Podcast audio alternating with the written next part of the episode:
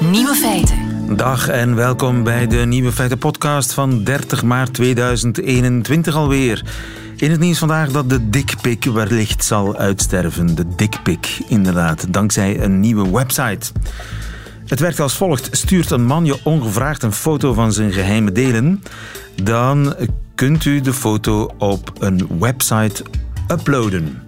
Die website zet het dan als digitaal kunstwerk op de blockchain, het wereldwijde computernetwerk. De website koppelt er vervolgens ook een NFT aan, dat is een soort digitale barcode. En daarin staat onder andere wie de artiest van het kunstwerk is. Met andere woorden, van wie de piemel in beeld eigenlijk is. Wil de maker dat de foto van zijn geslachtsdeel van het internet verdwijnt, dan moet hij het kunstwerk, de dikpik dus, terugkopen van die website.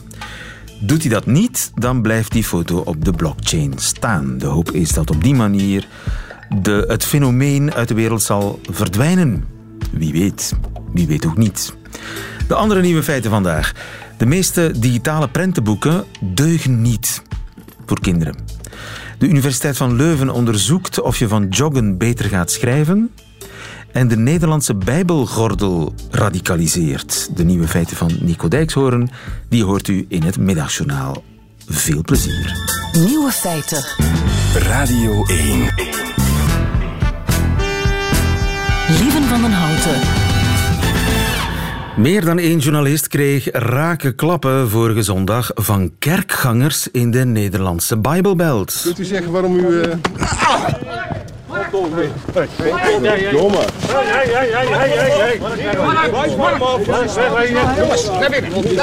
Op Urk bijvoorbeeld reed een gelovige met opzet op een journalist in. Jezus, man! Jezus, doe normaal, vent! Dag meneer. Als u mans genoeg bent om op zondag naar de kerk te gaan, dan mag ik toch wel wat vragen daarover stellen? Het is toch heel absurd, man. Dit is toch niet normaal? Ja, geweld aan de kerkpoort vorige zondag in Nederland. Tegen de coronaregels in verzamelden honderden gelovigen zich in de streng gereformeerde kerken van de Nederlandse Bijbelbelt. Vragen van journalisten worden niet bepaald op prijs gesteld. Fred van Lieber, goedemiddag. Goedemiddag. Hoogleraar religiegeschiedenis, religiegeschiedenis in uh, Amsterdam, aan de Vrije Universiteit Amsterdam. Hoe normaal is dit?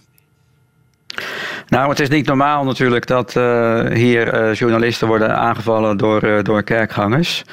Um, dus, maar het is wel al vaker gebeurd, confrontaties tussen journalisten en, en kerkgangers. Nou, het is in ieder geval zo. Uh, kijk, het gaat hier om een, uh, een kerkelijke groepering hè, aan de rechterflank van, uh, van de protestantse wereld. Die ehm, al tientallen jaren een beetje het gevoel hebben dat zij ehm, ja, met de rug aangekeken worden door de rest van de Nederlandse samenleving, die steeds meer seculariseert. En zij proberen op hun manier ja, hun Calvinistische waarden uh, uh, te blijven uitdragen. En uh, dat is wel een beetje sinds de jaren 60 al aan de gang. Dat ja, af en toe deze groep in het nieuws komt. vaak bijvoorbeeld rond, rond epidemieën, hè, de polio-affaire in de jaren 60. Waardoor ja, er ook veel kritiek kwam uit, uit de samenleving. En toen kwamen er ook nog wel journalisten op zondag naar bijvoorbeeld Staphorst en andere plaatsen. Uh, met, uh, met tv-ploegen. En, en dat is bij deze groep uh, ligt dat heel erg gevoelig. Omdat ja. ze, en waren er toen ja. in de, bij die polio-epidemie, waren er toen ook rakenklappen? Vielen er toen ook rakenklappen? Nee, toen zijn, was er absoluut geen sprake van geweld. Toen was het meer ja, verbazing of ergernis. Ja, ja. ja, hoogstens verbaal. Ik denk eerder zelfs stilzwijgen en proberen te negeren. Ja. Ja. Zijn ze daar aan het radicaliseren? Nou ja, radicaliseren is natuurlijk een heel groot woord. Maar in ieder geval, de spanningen nemen toe, dat is duidelijk. En dat heeft natuurlijk te maken met de coronacrisis die al een jaar voortduurt. Uh, je moet ook bedenken, bij deze groep um, speelt uh, ook het probleem van de bezwaren tegen inenten. Hè? Dus uh, de, deze gelovigen die hebben soms bezwaren tegen vaccinatie. Omdat zij zeggen van ja, dat is een gebrek aan vertrouwen op God. Hè? Wij, wij, wij maken niet mensen mensen ziek voordat ze ziek zijn. nou, dat is een heel oud debat onder, onder, onder deze mensen. en dat, dat is natuurlijk tijdens de coronacrisis weer, weer opgeleid. En dan zie je dat dat ook een beetje uitvergroot wordt in bezwaren tegen de coronamaatregelen. en daar zit dan een stukje verzet achter en eigen wijsheid zou ik het ook wel willen noemen. dat sommige kerken, de meeste kerken houden zich keurig aan de regels, maar dat sommige kerken dan een beetje de grenzen opzoeken. Ja, en, en het, zou het kunnen dat in dit digitale tijdperk het iets makkelijker nog wordt om in een soort van bubbel weg te kruipen? Ze hadden al een bubbel en de bubbel wordt nog dikker. Ja, nou ja, het is ook een groep die, die, die, die, die, eigenlijk weinig met de digitale wereld heeft. Hè. Veel, zijn, veel mensen zijn zelfs tegen tv en vroeger zelfs tegen de radio. Dus de hele internetwereld die houden, proberen het ook een beetje buiten de deur te houden. En lukt dat? Want, want ik hoor toch dat er op Urk vaak ook wel stiekem op, op het internet wordt gesurfd. Ja, zeker jongeren en, en, en eigenlijk wel, wel iedereen uh, hebben, hebben gewoon internet. Uh, proberen dat via filters een beetje, een beetje christelijk te houden. Maar inderdaad, ze leven volop in de, in de moderne wereld wat dat betreft. Ja. Um, ja, ja. En wat zegt de dominee daar nu van? Als er voor zijn kerkpoort mensen met opzet worden aangereden, mensen worden geslagen door kerkgangers. Ja, nou, tot verbazing van iedereen zie je dan bijvoorbeeld in Krimpen aan de IJssel, uh, dat die dominee dan smiddags uh, ja, in zijn preek zegt van nou ja, ik heb er ook wel begrip voor, ja, want we worden al wekenlang en maandenlang getreiterd en uh, de media die hebben het, hebben het op ons gemunt. Um, dus ja, dat, dat is natuurlijk, dat, dat toont ook wel aan dat, dat deze dominee ook een beetje in, inderdaad in een bubbel leeft. En weinig besef heeft van een maatschappelijke context waarin hij dit soort dingen zegt. En waarin hij ook uh, op, op deze manier eigenlijk geweld uh, goedkeurt. Ja, dat lijkt mij niet uh, te helpen natuurlijk als de, als de, de dominee zelf ja, van uitlokking spreekt. Ja, precies. Het is uh, buitengewoon onverstandig dat zo'n dominee dat uh, ook op deze manier uh, zegt. Ehm, ja, blijft wel dat het een, toch wel een uitzondering is en dat dit zeker niet voor ja. de hele, hele groep van de Bijbelbelt ja. geldt. Maar het duurt natuurlijk al meer dan een jaar intussen. Dat helpt ook niet. En het complotdenken, zijn de, de Bijbelbelters daar ook gevoelig voor? Zeker, ja. Kijk, die, die complottheorieën die, die leven natuurlijk uh, best wel breed. Uh, bepaald niet alleen onder, onder gelovigen. Um, uh, dus ja, daar nemen ze ook kennis van. En dan verbinden ze dat met hun traditionele bezwaren tegen de vaccinatie. Dat komt dan als het ware goed uit. Dat er ook breder verzet is tegen deze dingen. En dus daar ligt ook een, ja, een soort vloeiende grens. die, die best wel bedenkelijk is natuurlijk. Ja. ja. Ja, en God zal wel beslissen of ik corona krijg of niet. Daar heb ik geen maatregelen of een vaccin voor nodig. Dat is de redenering. Dat is, uh, ja, het is vaak meer een gevoel dan een redenering. Hè? Het, is, het is een soort eh, sentiment uh, waarin, ze, waarin ze altijd gedacht hebben. En men heeft ook heel veel moeite om, om daarin een beetje, een beetje rationalisatie te brengen. Ja. Nu, die groep schijnt zich te onttrekken aan alle maatschappelijke regels, aan de, aan de coronaregels. Moeten we dat dan maar accepteren, dat ze daar met z'n 150 of met z'n zeer velen in die kerk samenkomen? Nou, nogmaals, het geldt niet voor de hele groep. En uh, er is ook binnen de groep en ook de landelijke top van, van de kerken waarbij ze aangesloten zijn, die, die keuren dit ook af. En die proberen wel door op te roepen om zich wel aan de regels te houden, ook deze, deze buitenbeentjes een beetje in het gareel te krijgen. ja, wettelijk is het wat lastiger, want ja, er is natuurlijk wettelijke godsdienstvrijheid. En voor kerkgebouwen zijn er ook bepaalde uitzonderingen en voorrechten.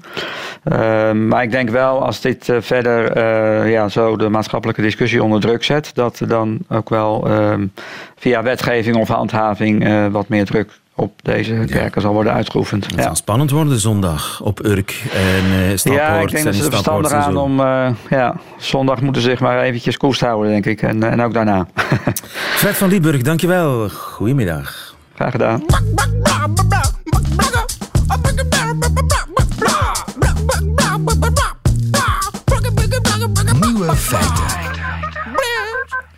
U vraagt wij draaien. Op de radio is het een uh, mooie traditie. Op de universiteit iets minder. Daar hebben ze niet zo de gewoonte om op verzoek een onderzoek te doen.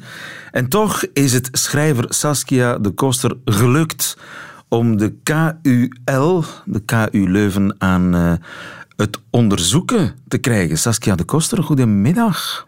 Goedemiddag, Lieven. Saskia, wat was jouw eh, verzoeknummer? Wel, ehm, ja, misschien even de achtergrond. Hè. Ik mag een heel jaar eh, writer in residence zijn aan de KU Leuven. Je werkt betekent- eigenlijk al voor de KU Leuven. Ja, ik geef eh, Zo is het gemakkelijk natuurlijk. aan eh, een aantal gemotiveerde studenten. En ik vroeg mij... En ze hebben mij ook wel van de faculteit Letteren de vrijheid gegeven om ja, met ideeën te komen. En dan doe ik dat natuurlijk. Hè. Ehm, omdat ik zelf hardloop. En ik merk sinds ik intensiever hardloop dat eh, ik beter schrijf. Vind ik zelf. En ik dacht van ja, ik vind het altijd interessant om een beetje de link te leggen tussen eh, kunst en wetenschap. Hè. Zo ook creativiteit uit dat volledig mystieke, mistige domein te halen van eh, de, de goddelijke inspiratie. Dus ik dacht van ja, is daar ergens een wetenschappelijk aantoonbaar verband tussen eh, hardlopen en creativiteit? En zo is de faculteit bewegingsleer eh, daarbij betrokken geraakt. Ga je beter schrijven van hardlopen? Dat is eigenlijk jouw vraag. En je hebt dat zelf vastgesteld. Jij denkt dat je beter bent gaan schrijven sinds je hardloopt. Ja, dat is gewoon zo. Oh ja, ik twijfel daar ook niet. Ik. Als jij dat Nee, nee, zegt, dan is dat zo. Maar kan je daar een voorbeeld van geven? Bedenk je verhalen terwijl je aan het joggen bent? Ehm, het, is, het gaat niet zozeer om echt opeens een, een vonk, maar vaak is het dat ik met een knoop zit. Hè, of ik, ik zit vast ergens in een verhaal. En dan eh, laat ik het allemaal los. Ik ga lopen en op een of andere manier komt dat dan toch terug opgepopt. Alsof dat je zo, hè, reculer pour mieux sauter. Of ik weet dan niet precies wat er gebeurt. Maar bijvoorbeeld... ehm, in mijn meest recente boek, Nachtouders, eh, waren een aantal personages en, en ik was er nog onzeker over van, goh, zijn ze nu niet met te veel of hoe zit dat hier eigenlijk precies? En ehm, al hardlopend kwam ik erachter van, ja, oké, die grootvader die moet eigenlijk eruit geknipt worden. Die, ik moet die laten sterven. Tijdens het joggen wist je het zeker, die, die grootvader gaat eruit. Ja. En bedenk je bijvoorbeeld ook eh, eh, titels of verhaallijnen? Ja, dat is echt heel uiteenlopend hoor, wat er allemaal kan komen. Ehm, titels vind ik bijvoorbeeld een heel moeilijke. Om, hè, om een boek helemaal te gaan samenvatten in een paar woorden. Ik vind dat bijna onmogelijk. Ehm, bijvoorbeeld familieroman eh, Wij en ik, die ik geschreven heb. Die titel die kwam daar ook opeens toen ik even een eh, bruggetje in het Rivierenhof eh, Op dat brugje kwam die titel Wij en ik. Ja, dus dat brugje is voor mij altijd voor altijd verbonden met, eh, ja, met mijn boek. Mooi. Je weet overigens dat Take a Chance on Me van ABBA is ook tijdens joggen geboren. Hè, naar het schijnt. Dat heeft Björn Ulvaeus ooit verteld. Die, die take a chance, take a chance, take a, take a chance, chance, take a chance. Dat was tijdens joggen. Maar je gaat heel vaak joggen. Je bent echt Ja, een, een, een- eh, atleet. een verslaving geworden, denk ik. Omdat ik het echt wel nodig heb. En ik ehm, ben ook wel van type... Laten we zeggen, de strever. Hè. Dus ik ga mezelf dan ehm, wel doelen stellen. Of dat was ook bijvoorbeeld met Nachtouders, wist ik van... ehm, als ik dit boek echt goed wil krijgen, dan moet ik een doel hebben. En ik heb mezelf dan als doel een eh, marathon gesteld. Een Wow. Marathon lopen, dus dat was mijn eerste marathon, die van Amsterdam. En ik wat, dacht, wat was je ik tijd? Goed, eh 3 uur 30. Dat is, Ja, ik dat is, dat is eh, een toptijd. Ja, dat is... ja, dat was fijn. Dat, dat ging eigenlijk ehm, onverwacht goed. Dus, maar dat is, dat is minstens drie keer trainen per week. Ja, dan moet je daar wel mee bezig zijn. Hè. Dat is een soort... Maar dat is het interessante, ook de link met schrijven eigenlijk, vind ik. Van, het is niet zo van, ah, nu... Ik had, vroeger dacht ik van, nu ga ik het ultieme ding schrijven. Ik maak me helemaal... eh, ik pet mezelf op en nu moet dat gebeuren. Maar eigenlijk zit het ook in de versies, het oefenen, het vaak doen, de herhaling, de routine. ehm, dat heeft daar ook heel erg mee te maken. En dan komen de goede dingen, denk ik. Ja. En dat lopen, dat hoort bij jouw routine. Ja. Schrijven heeft iets met discipline te maken. Zou Hugo Claus veel gejogd hebben, denk je? Wel, maar dat is dus de generatie van de, ik zal maar zeggen, de oude ballen. De oude schrijvers waar vroeger ehm, het cliché zo wat bestond van... vooral niet gaan eh, sporten, binnenzitten, stilzitten. Dus ja, met als heel logisch gevolg om te ontspannen, wat, gaan, wat ga je dan doen? Heel veel roken en drinken. Dat is En niet jouw is stijl. het dan gelukkig wel een beetje die oude cultuur is, is daar wel wat uit, denk ik. Of ja, zo de Victor Hugo's en, en Balzacs die dan zich echt vol propten en zo. Dat is... Ja, dat was ook een manier om uh, de geest even te ontspannen, maar Ja. die van jou uh, is misschien beter. Professor Bekkers, goedemiddag. Goedemiddag, Lieven. Goedemiddag, Saskia. Tom Bekkers, Hallo. psycholoog van de Universiteit van Leuven en eigenlijk dus ook een beetje een collega van Saskia. Jawel. Uh, Jullie zijn ingegaan op uh, haar voorstel om dat uh, te gaan uh, onderzoeken of, of haar hypothese echt klopt. Wat denk je, is daar al veel literatuur over? Zou dat kunnen kloppen? Ja, er, is, er, er zit zeker een logica in, denk ik. Um, op, op twee verschillende manieren minstens. Ik hoor Saskia enerzijds zeggen van ja, voor schrijven heb je ook gewoon discipline nodig. En dat is de ene, de ene manier waarop daarover gedacht wordt inderdaad. Dat lopen ook een beetje training is in uithoudingsvermogen, in discipline. Hè? En dat karakter dat komt dan ook van pas bij het schrijven. Nu, ik moet zeggen, dat is nogal losjes gedacht. Daar is weinig onderzoek naar. Of Ja. lopen onze zelfdiscipline in andere domeinen dan het lopen zelf ook verhoogt. Ja. Of meters maken in het ene helpt voor meters maken in het andere. Dat is misschien wat twijfelachtig. Ja, maar dat idee van haar dat als ze aan het lopen is, dat eigenlijk haar geest min of meer waait waar hij wil en dat er dan plotseling uit onverwachte hoek oplossingen komen Ja, opgepopt. ja daar, daar zit wellicht meer brood in. Ehm, je kan erover denken, onze, onze front, frontale cortex, het stuk van voor in onze hersenen boven onze ogen, dat fungeert onder meer een beetje als een controlesysteem. Dat in normale omstandigheden de neiging heeft om onze gedachten in het gareel te houden. Eh, anders zou het een chaos worden als, als onze gedachten zomaar alle kanten zouden uitspringen. Juist. Dus dat is vaak nuttig, maar dat is ook af en toe een beetje dodelijk voor de creativiteit. Want onze hersenen hebben de gewoonte om iedere keer weer in dezelfde denkpatronen te vervallen.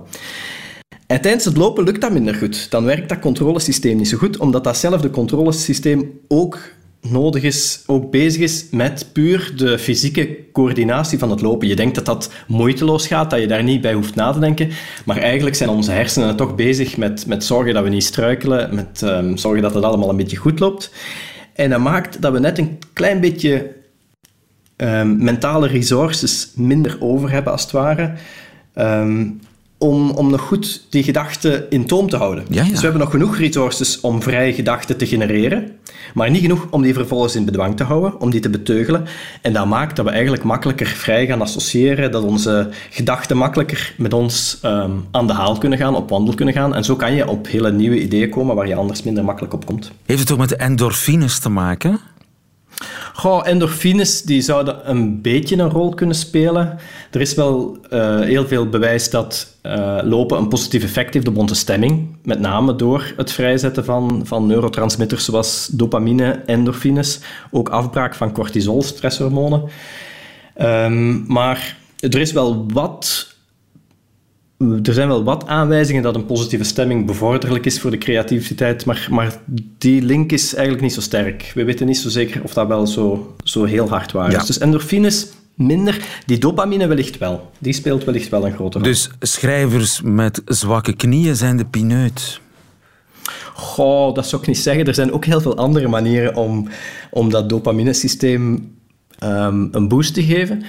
En, en om die, die, manier... controle, die hersencontrole wat te verminderen, zodanig dat ze paradoxaal genoeg toch beter gaan functioneren en betere ideeën en creatievere ideeën gaan produceren. Kun je dat ook op een andere ja. manier? Kan een, een, een gezapig wandeltempo dat ook uh, teweeg brengen? Een gesapig wandeltempo kan dat wellicht ook al een beetje doen. Al is de vraag... Ja, lopen lijkt toch beter te werken dan, dan wandelen voor de creativiteit. Maar lopen werkt ook. Ja? Daar, daar is wel wat bewijs voor. En, en uh, maar, je, maar je kan het ook op hele andere manieren doen. Uh, zwemmen, fietsen. Zwemmen kan ik me voorstellen, ook baantjes trekken in het zwembad, dat dat ook goed zou kunnen werken. Ik denk niet dat dat al onderzocht is. Maar je kan ook op compleet andere manieren zo'n zo'n dopamine-boost produceren. En we weten bijvoorbeeld uit, uit onderzoek bij muizen dat als je op een of andere manier dat dopaminesysteem stimuleert, dat dat helpt om, om een soort van reset van je hersenen te creëren. Om bestaande verbindingen in de hersenen wat te verzwakken. De verbindingen tussen hersenstructuren. En op die manier eigenlijk de plasticiteit, de kneedbaarheid van je hersenen te vergroten.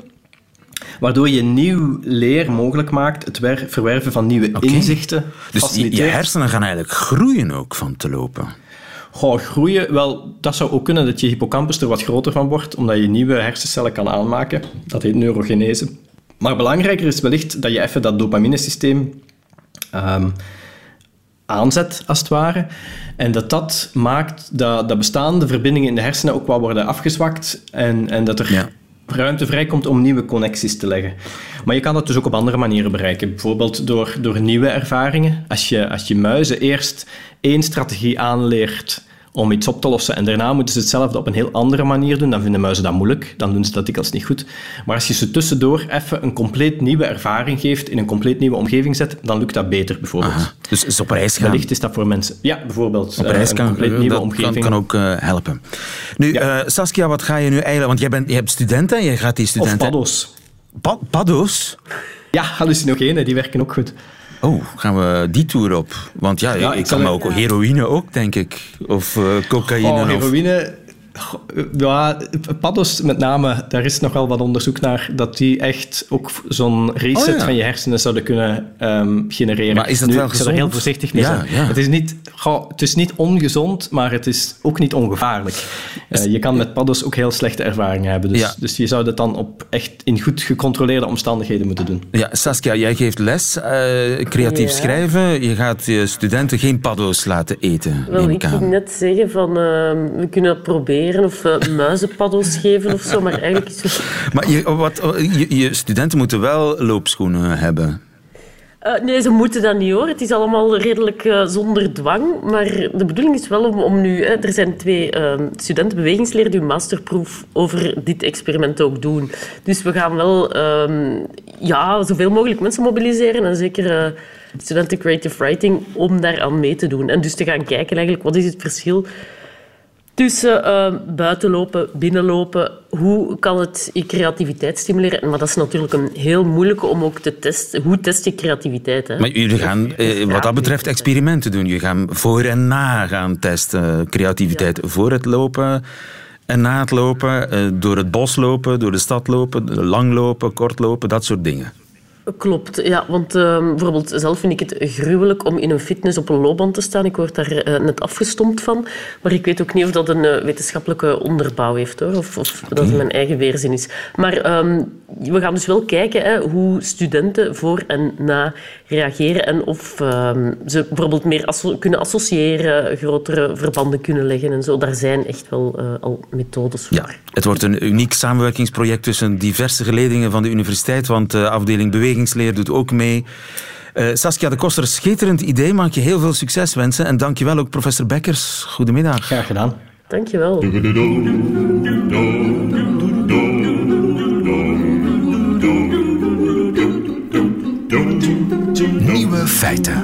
Of een kind nu een eh, ouderwets prentenboek leest op papier of een digitaal prentenboek op een tablet, maakt dat dan zoveel verschil?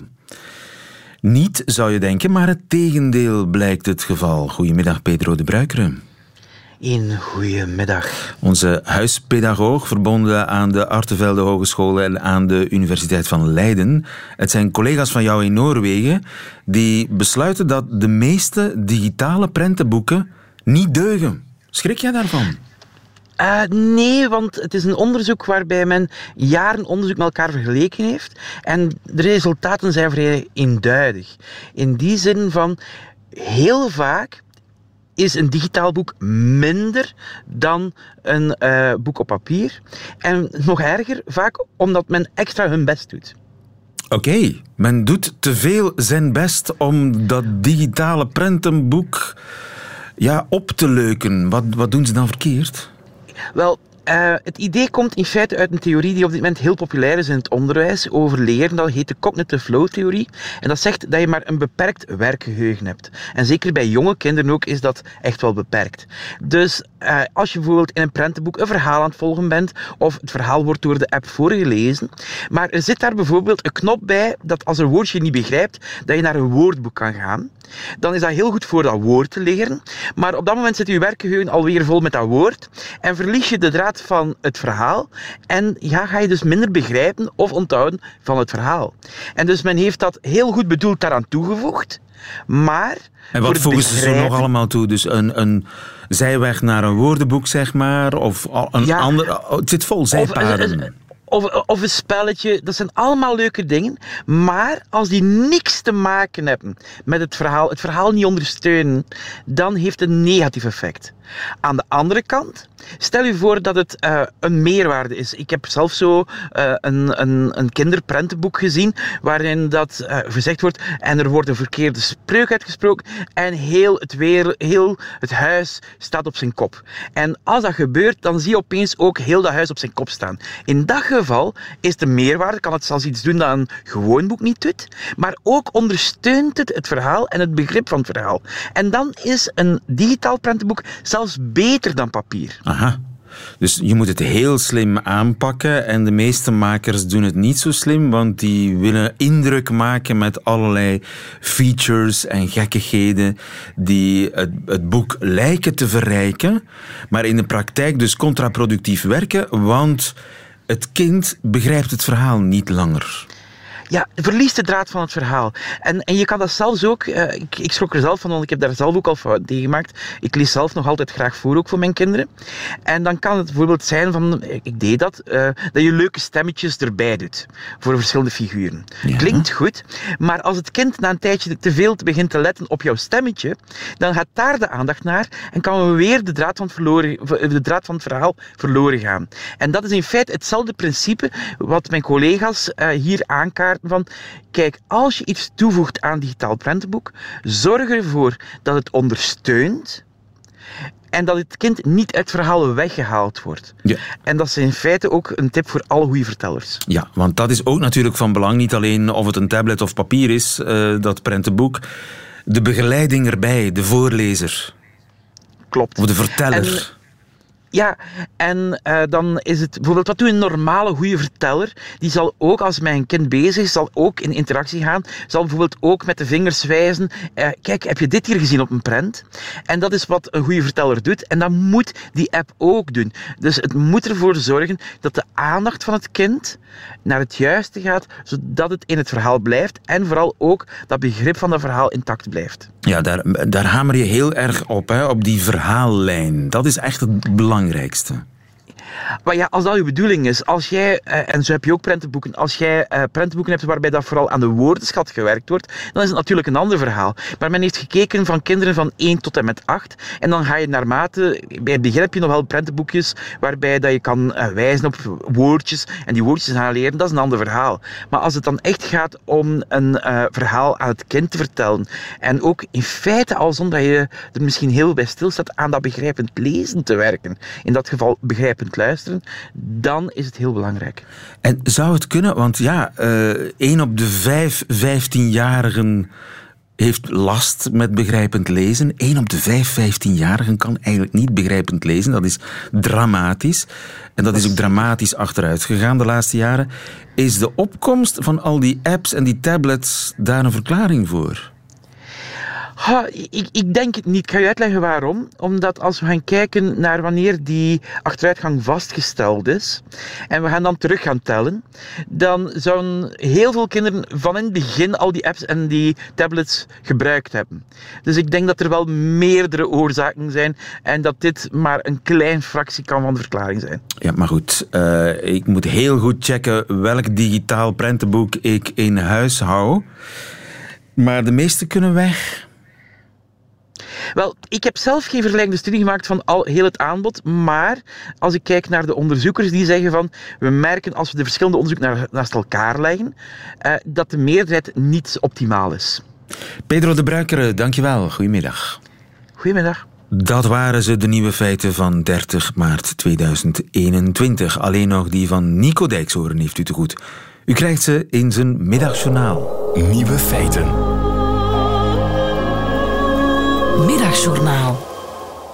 Beste luisteraars, gisteren deed ik in dit programma een oproep. Omdat ik het in Nederland vooral op zondag niet meer uithoud, vroeg ik u of ik dan op die ene dag in de week bij u mag wonen. En daar zijn overweldigend veel reacties op binnengekomen. En bijna steeds was het antwoord: nee, neuzelaar, bij mij kom je er niet in. En ik begrijp dat wel. Daar moet je zin in hebben. Iemand naast je die steeds over zijn overleden vader en moeder zit te praten. En iemand die je vier keer per dag probeert uit te leggen waarom een eekhoorn een heel moeilijk dier is om op te zetten. Steeds als je net bezig bent om stro in die eekhoorn te duwen, dan blijken ze nog te leven.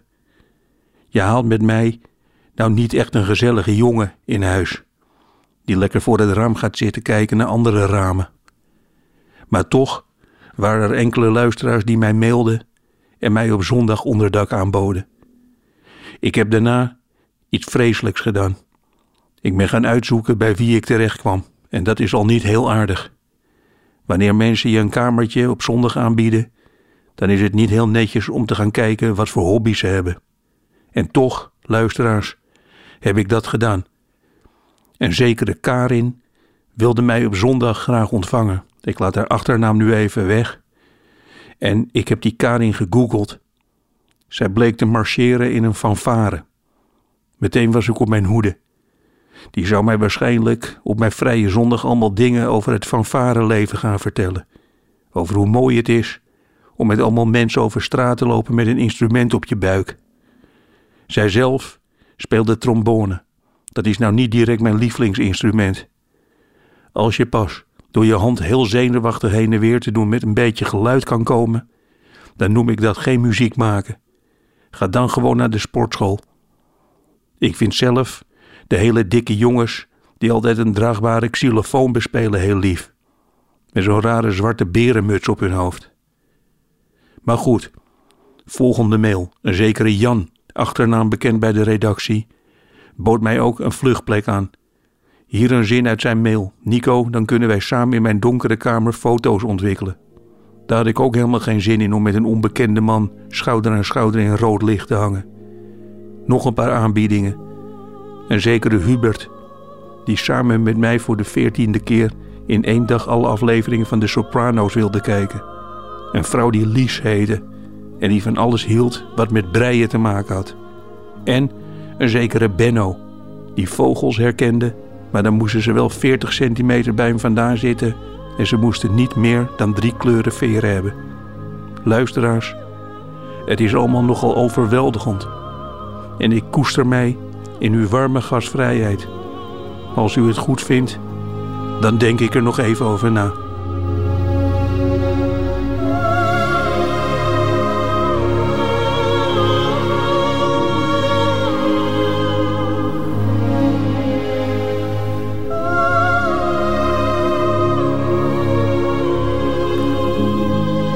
Middagjournaal met Nico Dijkshoorn. Einde van deze podcast hoort u liever de volledige nieuwe feiten met de muziek erbij.